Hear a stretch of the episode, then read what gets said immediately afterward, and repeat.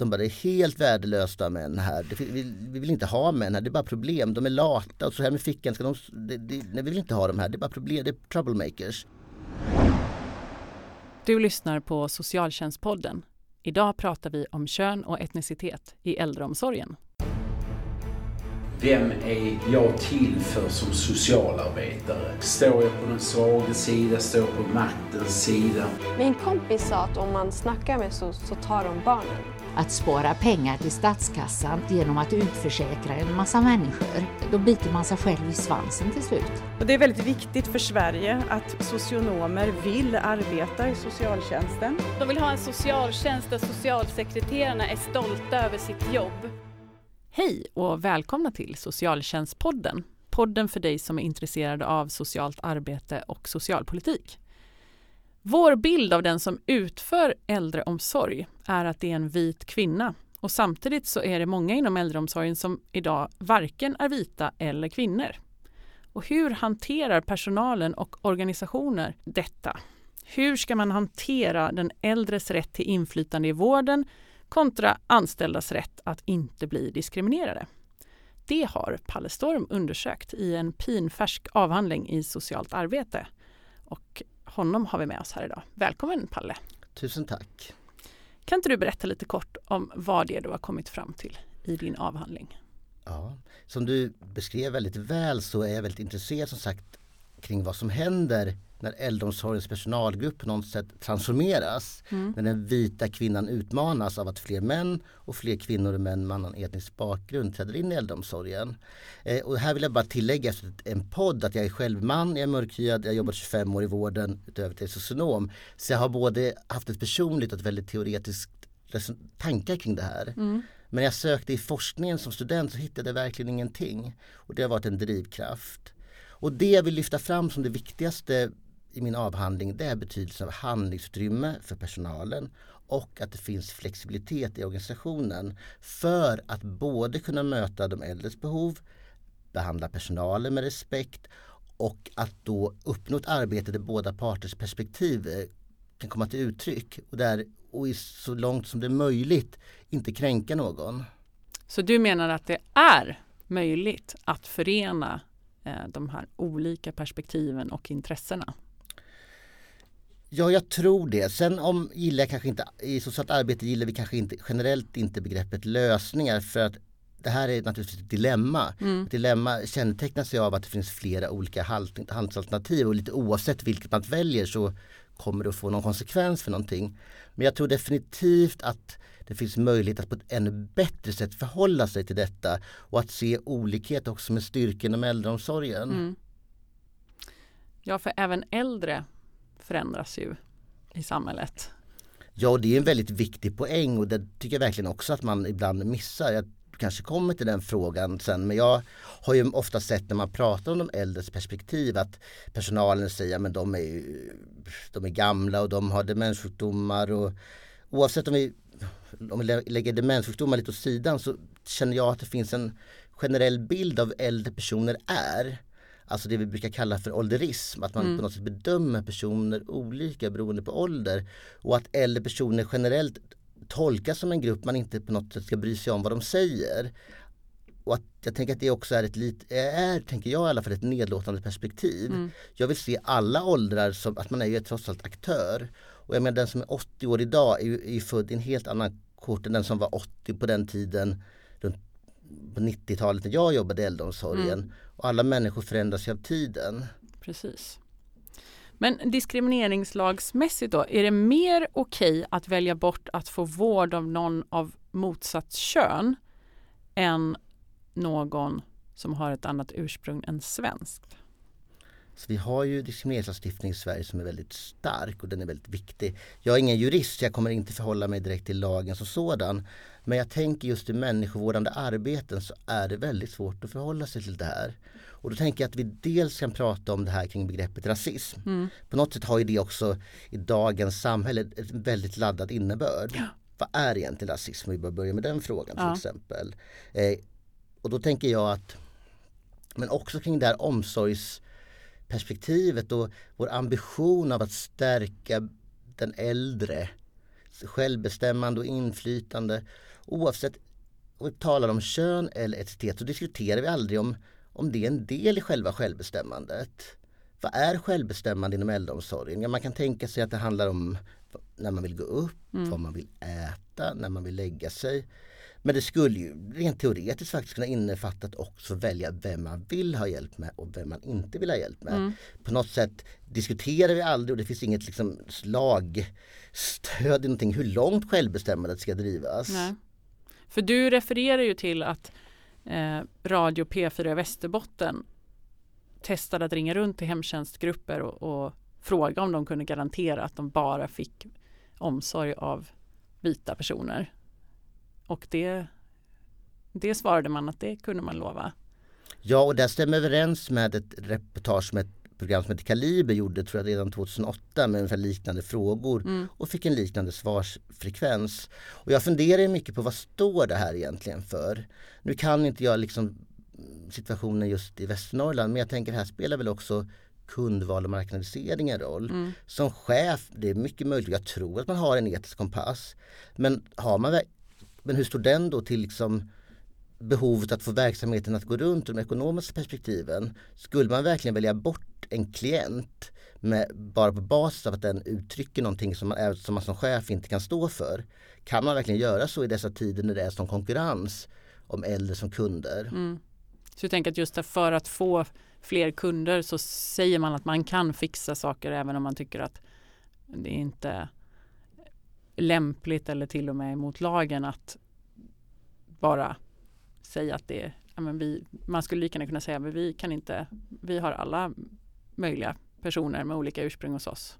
Och vi kan inte garantera att det blir ett ursprung som kommer just till din anhörig eller till dig. Ja och så tror jag också att några av cheferna som inte tänkte tillgodose det svarade. Ja. Eh, så att eh, visst det finns de som står upp för den etiska kompassen men den, det, det är svårt. Det är svårt att få ihop en etisk kompass med en marknadsorientering. Tänker jag. Mm. Ja, det, det är ju verkligen ett etiskt Mm. dilemma. Ehm, vi har ju många medlemmar som är chefer inom äldreomsorgen. Hur ska de hantera äldre som inte vill att till exempel invandrare hjälper dem i hemmet eller på det särskilda boendet? Mm. Om jag knyter an lite till den, frågan du ställde innan. Mm. Så tänker jag att ett problem är att det här, generellt är att det här släpps alldeles för lätt. Istället för att jaha, du vill inte ha den här typen av personal, ja, då tillgodoser det. Kanske också va, att försöka få en djupare förståelse kring vad, vad baserar sig egentligen det här på? Är det fördomar? Är det rädsla? Eh, och att på något sätt faktiskt ta, ta itu med det. Det tror jag är väldigt viktigt som chef i det steget. Mm. Sen tror jag också att det är väldigt viktigt som chef att vara väldigt medveten om att kön och etnicitet kommer att ha betydelse för, sin, för personalen. Mm. Det kommer att ha betydelse i relation till de äldre. Det kommer att ha betydelse i relation till anhöriga. Kön i intersektion eller samspel med varandra skapar också olika utmaningar. Och här tror jag för det första att man som chef måste vara medveten om att personalen träder inte riktigt in i äldreomsorgen under samma förutsättningar. Även om den vita kvinnan med rötterna i arbetarklassen, kanske i Stockholm som exempel, bara är någon sinnebild Mm. som inte riktigt existerar. Så existerar föreställningen om henne på en mer övergripande nivå. Och att jag tror att det är genom den tolkningen som man beskriver arbetet, hur man ska vara, så att säga. Och vi har också en väldigt fin jämställdhetsambition i Sverige som jag verkligen beundrar. Samtidigt så är det ju inte så självklart att den liksom politiska organisationens ambition om jämställdhet riktigt liksom är en önskning som också kommer från omsorgstagarna. Nej. Och vi kanske ibland också kan förstå sådär att kvinnor bara vill bli duschade av kvinnor. Och vi kan tycka att det, ja, men det kan man ju förstå. Um, för att man känner sig mer bekväm med det och så. Här finns ju olika perspektiv men jag brukar tänka lite kring en mer pragmatisk hållning till samhället. Om vi tar då kön som exempel så tänker jag att vi redan som barn skolas in i ett visst typ av uppdelning. Mm. Alltså från att man inte går med mamma till badhuset längre så går ju pojkar till herrans omklädningsrum och flickorna till flickorna. Alltså toaletter uppdelade, duschar, omklädningsrum. Vi är skolade, uppväxta och socialiserade i ett samhälle där nakna kroppar liksom på något sätt inte blandas om det inte handlar om sexualitet så Mm. att säga. Och det har jag full förståelse för att man som äldre eller som patient inom sjukvården känner sig obekväm att visa sig naken inför det motsatta könet för vi är inte insocialiserade att göra det. Däremot behöver inte det betyda att man faktiskt inte kan ändra sig. Men att det kanske tar längre tid och att vi får erkänna att det också måste kunna ta lite längre tid. Så där, just att man som chef då inte bara så här antingen säger nej det kan vi inte tillgodose eller ja det kan vi tillgodose att man fortsätter samtalet runt hur kommer det sig att du har de här önskemålen? Ja, om vi har de äldres perspektiv i fokus så att vi kan fundera kring det. Att, eller att fundera, jag tänker också att vi måste också erkänna att vi människor oavsett var vi befinner oss och i vilken ålder så har vi ofta lite olika förutsättningar kring hur vi vänjer oss kring något som är nytt. En del av oss är otroligt flexibla, har inga problem att anpassa sig till nya situationer.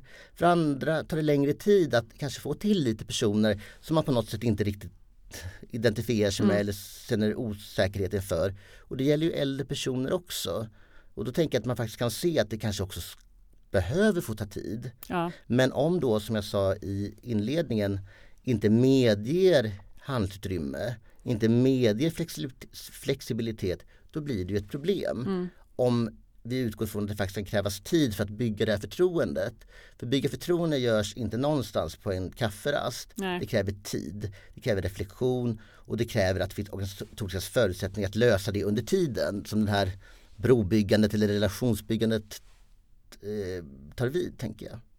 Men det, lite av det jag läser i din avhandling så, är, så går ju det lättare att göra på ett särskilt boende där man kanske är en mer fast personalgrupp som ändå träffar den äldre varje dag. Att man kan lättare vänja sig in eh, vid nya personer som man, ja, som man behöver tid att vänja sig vid.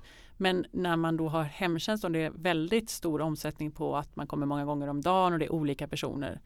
Så det låter som att det kan vara svårare att få den där invändningsfasen på en, en kvart, en halvtimme då och då. Mm, och det håller jag helt med om. Jag tror också att här generellt, inte bara kring det här området utan även när det gäller andra aspekter av äldreomsorg måste vi liksom skilja ut hemtjänst från äldreboende. Mm. Visst, det är liksom två verksamheter i samma sfär. Men de präglas av helt olika förutsättningar som inte alltid erkänner. Det handlar ju dels som du säger att, äldre, att hemtjänsten bygger på ganska korta möten och att det är stort flöde av människor och att, att också kanske också ganska korta insatser ibland. Men jag tänker också att det handlar om kontexten. Hemtjänsten arbetar i människors hem. Mm. I människors hem har man en större handlingsutrymme. Man har starkare mandat att släppa in människor. Mm. Sen kan vi naturligtvis säga att ett äldreboende är ett eget boende. Och det här har jag inte forskat om men jag gissar att väldigt många av de som bor på äldreboende tycker inte att det här är ett eget boende. Utan äldreboendet är väldigt mycket präglat utifrån rutiner där personalen tror jag fortfarande har en viss maktposition och ett större inflytande. Man får, större om, man får anpassa sig efter hur det är när man flyttar in mer än att här tror jag ja, jag tror verkligen att det finns på äldreboende liksom en clash i den här självbestämmande diskursen. Alltså maten serveras, frukosten serveras klockan 8, lunchen ja. 12. Att det är väldigt svårt att rubba på de här rutinerna. Det kan väl till viss del göras. Men jag skulle gissa att många människor liksom skolas in i den här institutionaliseringen. Mm. Som vi kanske skulle kunna Det är inte så mycket det. handlingsutrymme där. Inte för den äldre i alla fall. De, de skolas nog in till att lära sig vad som är rätt sätt att förhålla sig till institutionen. Och det är också väldigt intressant, eller intressant, man ska inte lyfta fram sig själv, men just att lyfta kontexten var väldigt viktig i min avhandling. För i forskningen i socialt arbete så är hemtjänsten otroligt prioriterat. Vi vet betydligt mindre om äldreboenden. Mm. Men eh, du har ju också liksom observerat och pratat med personalen. Hur hanterar de att bli bortvalda på grund av etnisk bakgrund eller kön? Mm. Jag ser en väldigt stor skillnad när det handlar om kön. Som, så, som jag var inne på så tycker jag också att de ger uttryck för, för samma resonemang som jag just sa. Att, mm. ja, men de har ju förståelse för de äldres perspektiv för de tycker precis likadant. Mm. Många de vill inte heller bli vårdad eller duschar någon av ett annat Inte kön. helt självklart. Eh, samtidigt eh, såg jag faktiskt en väldigt intressant aspekt som jag inte har tänkt jättemycket på i en av mina delstudier där jag intervjuade män som är födda utanför Europa och som jobbar på äldreboenden. Att de gav uttryck för att de byggde väldigt bra relationer och viktiga relationer med de äldre männen. Mm. För även om vi tänker, tänker oss att eh, arbetsgruppen är mer blandad så är äldreomsorgen en väldigt kvinnodominerad vardag. Jag, jag kan tänka mig att 70% av de som bor på äldreboenden är kvinnor mm. och personalen är ju trots allt, många ställen är det ju 100% kvinnor eller 90% kvinnor så att säga och att de äldre männen och deras perspektiv, om vi nu får använda en sån stereotyp kategori, kanske tenderar att inte bli synliggjorda i en omsorgsvardag. Mm. Och jag tänker också, nu pratar jag väldigt stereotypt, jag är väl medveten om att det finns stor mångfald men att väldigt många aktiviteter som man gör i äldreboendet är ju kodat till det som vi kallar kvinnliga sysslor. Man får hjälpa till att skala potatis eller duka eller torka bord och att det kanske inte alltid ges utrymme för de mer traditionellt maskulina intressena. Och då menar jag, att, att män är inte, att, då menar jag verkligen inte att män är på ett sätt och kvinnor på ett annat men att man också ser att olika former av iscensättande och även kunna erkänna de som har mer maskulint kodade intressen, mm. vad det nu ska kunna vara. Och att de också får sina behov tillgodosedda och intressen så att säga. Och det gäller ju också kvinnor som inte har typiskt kvinnliga intressen. Bara för att man är en äldre kvinna kan man verkligen inte vilja laga mat eller duka eller skala morötter. Vilket ibland personalen verkar tro. Det finns också väldigt könsstereotypt tänkande kring de äldre och vad de vill vara, hur de har varit, vad de vill, fortfarande vill göra. Men det är mer liksom fokus på handarbete än typ snickeri? Ja, jag skulle tro att personalen är också väldigt heteronormativt liksom inriktad. Det finns en väldigt oreflekterad föreställning om att till exempel att äldre personer faktiskt inte är heterosexuella. Nej. Utan att de utgår väldigt mycket från att till exempel äldre kvinnor har velat leva i kärnfamiljer med barn, har inte arbetat och tagit hand om hemmet. Och så är det ju verkligen inte. Och framförallt i en Stockholmskontext och, och i en generationskontext så stämmer inte det. Eh, men det är någonting som händer när människor blir gamla som gör att jag känner igen de här beskrivningarna idag av äldre personer som forskare som gjorde studier för 30 år sedan också gjorde. På något sätt att äldre personer är liksom det är någon, i någon bok, jag minns inte var, men det uttrycks som spinnrocksfascister. Jag tyckte det var ett ganska bra, intressant uttryck. Att de är gamla och har liksom bott på bondgårdar och haft hand om djur. Det låter lite roligt såklart, men jag tror att det lever tyvärr vidare. Det är en väldigt smal norm att vara äldre. Jag går ibland till ett äldreboende och tittar nu kanske det håller på att ändras men ibland kan man liksom hitta sådana här skördredskap som prydnader. Och det är, alltså, har man levt i en stad i hela sitt liv så tror jag inte man har liksom använt liar eller Det är ingen kan, som vet vad man ska göra med dem där. Eller inte, jo, det kanske men jag tror inte det säger någonting om en själv. Nej. Tror jag. Men hur reagerar de då när de blir bortvalda på grund av etnisk bakgrund? Här kommer vi till ett väldigt stort dilemma och jag har funderat väldigt mycket på det. Jag tänker dels att det finns en väldigt individuellt eh, baserad skillnad att vissa faktiskt markerar väldigt tydligt att det här är faktiskt inte okej. Okay. Mm. Eh, med hänvisning kanske både mot eh, arbetsrättsliga lagar och lokala principer att jag har faktiskt rätt att arbeta på jobbet utan att bli kränkt. Andra väljer ett mer tyst eh, sätt eller mer förstående sätt där de på något sätt pat, alltså sjukdomsförklarar mm. liksom äldres uttalanden i form att ja men han är gammal, hon har en demenssjukdom, hon vet inte vad hon säger, hon säger bara så för att hon är arg. Eh, jag är lite osäker på om de tar illa upp men på något sätt gör den här medicinska förklaringen att det på något sätt inte blir särskilt allvarligt. Vi har ju trots allt oavsett vad det gäller lite lite större, eller vi har ju större förtroende, eller förståelse för människor som beter sig annorlunda om de är sjuka. Ja. Till exempel oavsett vad det nu gäller. Eh, sen kan man fundera på om det är ett sätt att bortförklara. Men anhöriga då? Som eh, kanske inte kan säga att de är sjuka? Sen, jag säga, sen tror jag också att det finns en stor grupp som faktiskt säger att de inte tar åt sig, inte bryr sig. Som jag faktiskt tror gör det. Eller jag vet att de gör det. Ja. Eh, men däremot finns det inget liksom, organiserat forum för att ta upp det här. Eh, oftast pratar vi om hur är man som en hur ska en duktig personal som jobbar i äldreomsorgen vara så att säga. Och är man en duktig personal inom äldreomsorgen om man inte kan hantera de äldres uttryck. Mm. Att det finns liksom, att liksom, outa det skulle visa att jag faktiskt på något sätt inte är kompetent att hantera situationen i mitt jobb. Och därför säger jag ingenting. Nej. Sen för många är det så och det här vill jag inte heller generalisera men många utrikesfödda befinner sig i oftast ganska utsatta anställningssituationer. Mm. Vi kan tänka oss timanställningar där man, som är en huvudförsörjning där, men där man helt är beroende av att ständigt bli inringd, ständigt kunna vara på plats och inte ställa till bråk.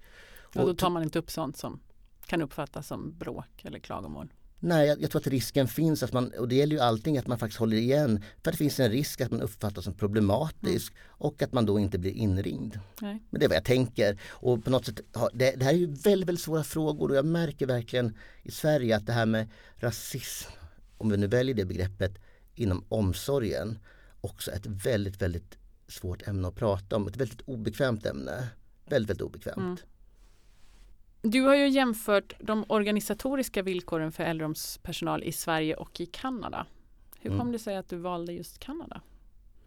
Ja, det är intressant. Eh, eh, jag eh, har jobbat med de här frågorna i många år. Jag började jobba på universitetet 2006 och då började jag liksom på en annan nivå och forska om kön och etnicitet. Sen så böt det lite intresse fram och tillbaka men det här har liksom alltid funnits med. Och så fick jag en möjlighet att följa med i ett internationellt forskningsprojekt med forskare från Kanada, Sverige, USA, Tyskland och Norge. Mm. Eh, i något som vi kallar för HARP som handlade om hälsosamt åldrande. Och som en del i det projektet så åkte vi i stor klump, som en gräshoppesvärm, mellan äldreboenden i de olika länderna för att se hur ser vardagen ut där. Där vi på något sätt både skulle kunna alltså som, som liksom uppvuxen i Sverige skulle jag på ett svenskt äldreboende tillsammans med kanadensisk forskare ser jag det svenska så att säga samtidigt som den här personen kunde berika mig med hennes, sina perspektiv så att säga. Så att vi gjorde det och jag fick komma med till Kanada och det här var i december 2012 och då hade jag inga särskilda här, funderingar på vad jag ville forska om så. Och så kom jag till det här äldreboendet och jag kom ju med väldigt så här, säger man, svenskt perspektiv, den här jämställdhetsdiskursen som jag själv mötte när jag sökte jobb i äldreomsorgen. Ni vet att gud vad kul att det kommer en kille. Det var nästan inte så intressant om jag var utbildad eller inte eller hur duktig jag var. Det kom Stark ett brukar vara en sån det var, sak det var, liksom inte, det var liksom inte en män, omsorgsmänniska som kom och såg ett kön. Mm. Eller jag, om jag raljerar lite. Och så kom jag till det här kanadensiska äldreboendet och så ja, jag pratade ju på som jag alltid gör och då lyfte jag de här frågorna med den kvinnliga personalen. Och de var så negativa. De bara, det är helt värdelösa män här. Det, vi, vi, vill inte ha män här, det är bara problem. De är lata och så här med fickan ska de, det, det, nej, vi vill inte ha dem här, det är bara problem, det är troublemakers. Och det blev som clash mot min, liksom, min svenska, den här jämställdhetsdiskursen. Så jag blev, men vad beror det här på? Vad intressant och handlar det om jämställdhet? Men vad, är, vad är det här liksom? Vad betyder det här? Vad, varför säger de så här? Och där föddes mitt nog första intresse att liksom på något sätt inte i första hand kanske jämföra länderna komparativt utan olika organisationsformer och sätt att organisera äldreomsorg och vad som hände med kön och hudfärg i de här olika kontexterna. Då jämfört med den svenska modellen som jag just var inne på det här att åh, vi behöver fler män till äldreomsorgen till exempel. Mm. Och det var ju samma sak i Kanada kring det här med etnisk bakgrund eller hudfärg. Det var inte heller något så här det var ingen särskilt viktig fråga som något som personalen direkt lyfte. Men det är ju en viktig fråga i Sverige. Jag tycker ändå jag ser när jag tittar på platsannonser att man skriver, vi ser gärna sökande som bidrar till ja, ökad mångfald eller hur man nu väljer att uttrycka det. Mm. Och sen var det ganska, det är en skillnad på hur man organiserar. Att det är mera medicinskt i mm. Kanada och mera och det är socialt. Något, ja. Och det är ju kärnan på något som inte avhandling eller liksom kring den ram där jag funderar kring könidentitet Kanadensiska äldreboenden skulle jag säga, för de som var med förr eller läst böcker, liknade nog väldigt mycket hur det svenska sjukhem såg ut innan ja. ädelreformen. På ett kanadensiskt äldreboende kunde det bo 34 personer på en avdelning och en personalkategori på fyra personer. Så att de, det var ju, alltså på, ett, på morgonhjälpen var det otroligt mycket människor de skulle hjälpa så att säga. Eh, det är också ett väldigt förbestämt system. Eh, personalen kommer på morgonen och får liksom många gånger en lapp på vilka de ska hjälpa så att säga. Och de här personerna måste de i princip hjälpa så att säga. Det finns liksom, man kan inte lösa det genom, kan du ta den hjälptagaren så tar jag den andra. Mm. Utan jag måste hjälpa mina tio eller vad nu är jag är tilldelade. Så måste arbetet, det följer en väldigt tydlig tidsram som är liksom stadgad att arbetet måste vara klart låt säga att det var nu klockan 9.00. Frukosten måste vara avklarad klockan 10. Det handlar inte om någon flexibilitet, det ska vara avklarat. Man ska duscha de dagar som avsedda och det är två dagar och duschen ska, se, ska ske då på nu måndag och tisdag. Det finns inte en möjlighet att liksom rubba liksom på det här. Så det är ännu mindre handlingsutrymme? Det finns inget handlingsutrymme alls och då blir det verkligen så att träder då in en kategori av personal som de äldre inte vill ha. Det rubbar hela systemet. Mm. För då kommer inte morgonarbetet vara klart klockan nio.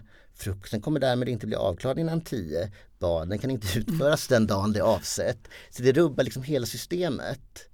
Och det finns liksom inte någonting i organisationen som medger att hantera de här olikheterna. Så den enkla strategin blir ju helt enkelt att eliminera det som stör ordningen. Och det som stör ordningen är ju framförallt män. Och icke-vita. I Kanada har vi, en, skulle jag gissa att det finns ännu mer icke-vita personal i äldreomsorgen och det blir, där blir det också en mycket, mycket större clash. Men jag skulle gissa att eh, om många fick välja skulle de trots allt ha en kvinna med färg än en man så att säga. Ja. Så att man med eller ut, oavsett om han är vit eller icke vit är ett större problem än kvinnor. Men visst, många av de kanadensiska hjälptagarna hade nog också absolut helst velat ha en vit kvinna så att säga. En skillnad mellan Sverige och Kanada är ju att i Kanada på de äldreboenden jag har varit var det inte ens en realitet för det fanns inga. Nej. Här i Sverige, även om vi har en väldigt blandad grupp, så finns det oftast vithet god, går att tillgodose för att uttrycka det på ett lite annat sätt. Um, men du visar ju att de här norm, att här är normer som fortsätter att utmanas.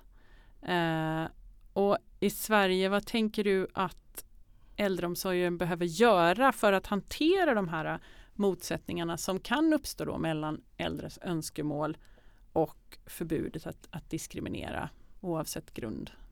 Eh, för det första tycker jag oavsett vilken diskrimineringsordning eller maktordning vi väljer så måste vi för det första lyfta det till någon högre nivå. Vi måste på något sätt erkänna det tror jag.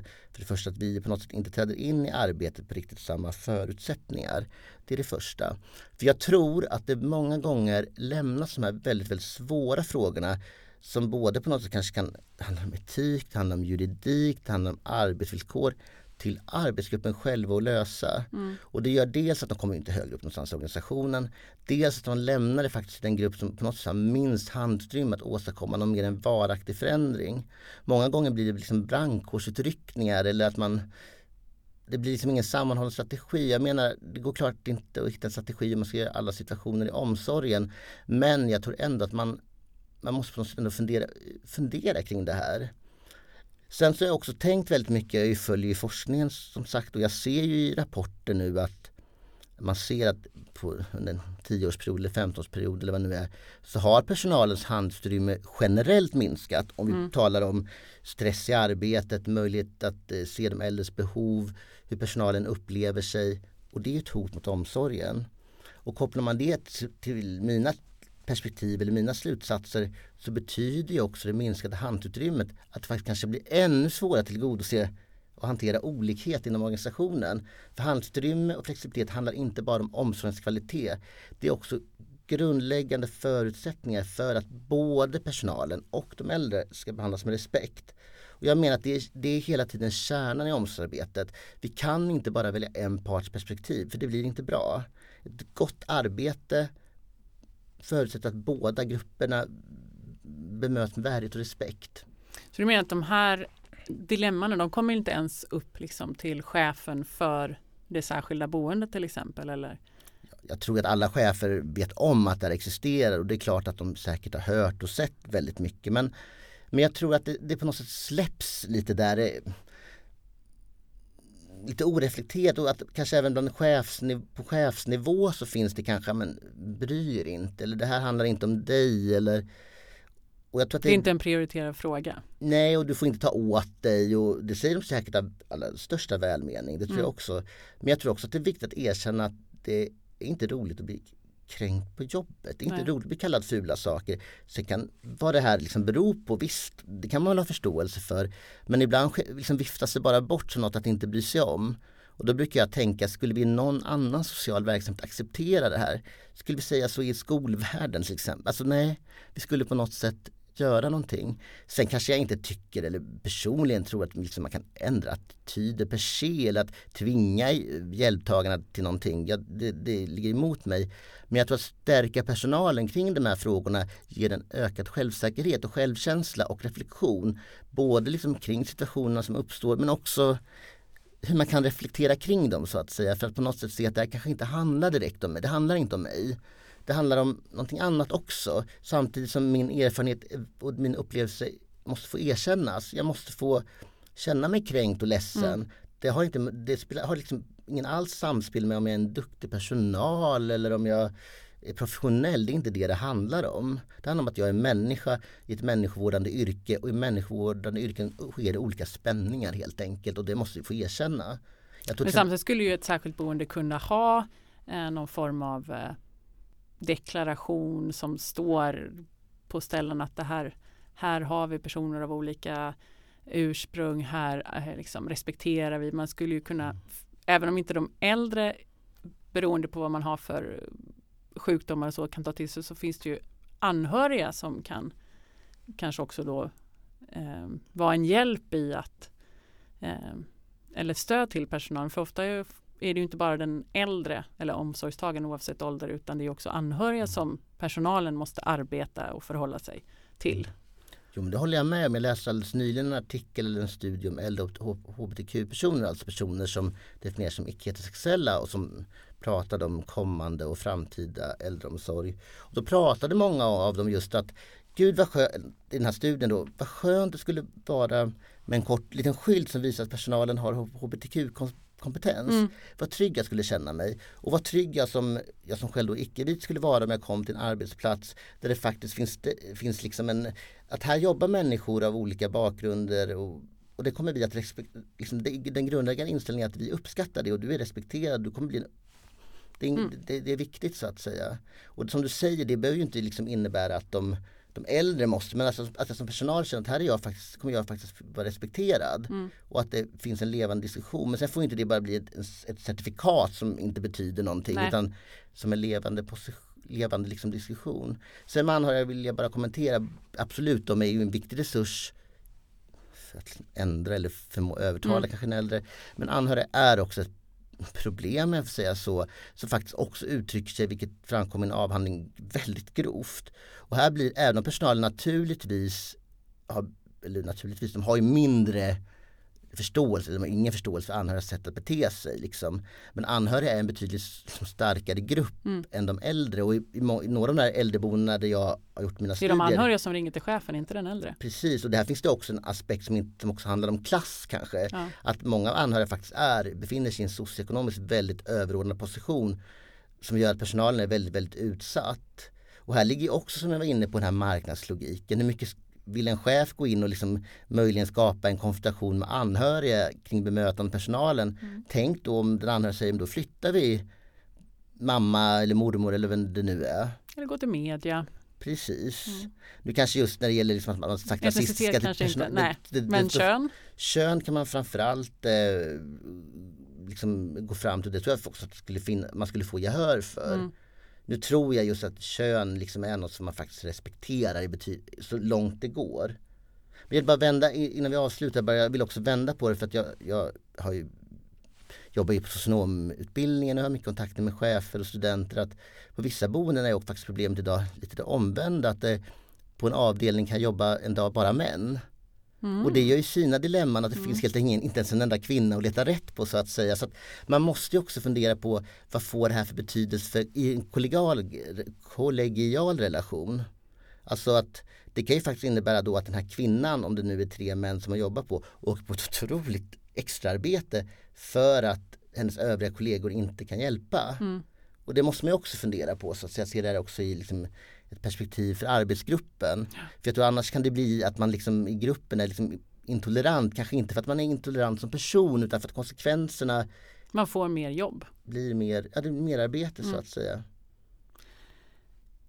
Eh, vad tänker du då avslutningsvis att den här diskussionen om, om den den ska inte vara den enskilda arbetsgruppen men vart någonstans måste vi föra diskussionen om normer i äldreomsorgen? Jag tänker dels att vi mycket tydligare liksom integrera det här i utbildningen. Jag tycker det här borde in på omvårdnadsprogrammet oavsett om det är på, för gymnasienivå eller vuxen. För jag märker också att det är något som student, man lär, liksom redan det var ingen som berättade det för mig när jag började plugga. Liksom, och att liksom förbereda och diskutera genom högskolan. Här kunde det också stärkas. Jag tror också det politiskt borde stärkas. Eller stärkas, att vi behöver en reflektion kring ibland fastnar man ju väldigt lätt i de här fina orden och det är ju ingen som tycker illa om självbestämmande eller inflytande och delaktighet. Så, tvärtom är det ju liksom de här begreppen som har gjort också att äldreboenden i Sverige utifrån mitt perspektiv jämfört med Kanada är paradis. Om vi säger så. Ja. Det är fantastiskt bra ord och det är väldigt viktiga ord. Men vi sätter aldrig någon liksom gräns för hur långt ska vi dra de här? Mm. Vad innefattar det egentligen? För om vi, om vi rent liksom utan någon djupare analys bara tänker till självbestämmande och delaktighet. Ja, då har jag väl självklart rätt att välja bort den personal jag vill. Mm. Tänker jag. Varför Men vi måste ha en, en etisk och liksom en, en diskrimineringsperspektiv Ja, också på det. vi måste både förhålla oss till, till liksom diskrimineringslagstiftningen, arbetslagstiftningen men också förhålla de här begreppen utifrån ett etiskt perspektiv. Och här menar jag att ett dilemma är att självbestämmande, delaktighet och inflytande det är liksom riktat mot de äldre och inte personalen. Personalens villkor måste ju också lyftas fram och det, i relation till de här liksom värdeorden eller kraven så att säga ur ett mer etiskt perspektiv för vad de faktiskt innefattar och vad de betyder och hur långt de ska dras.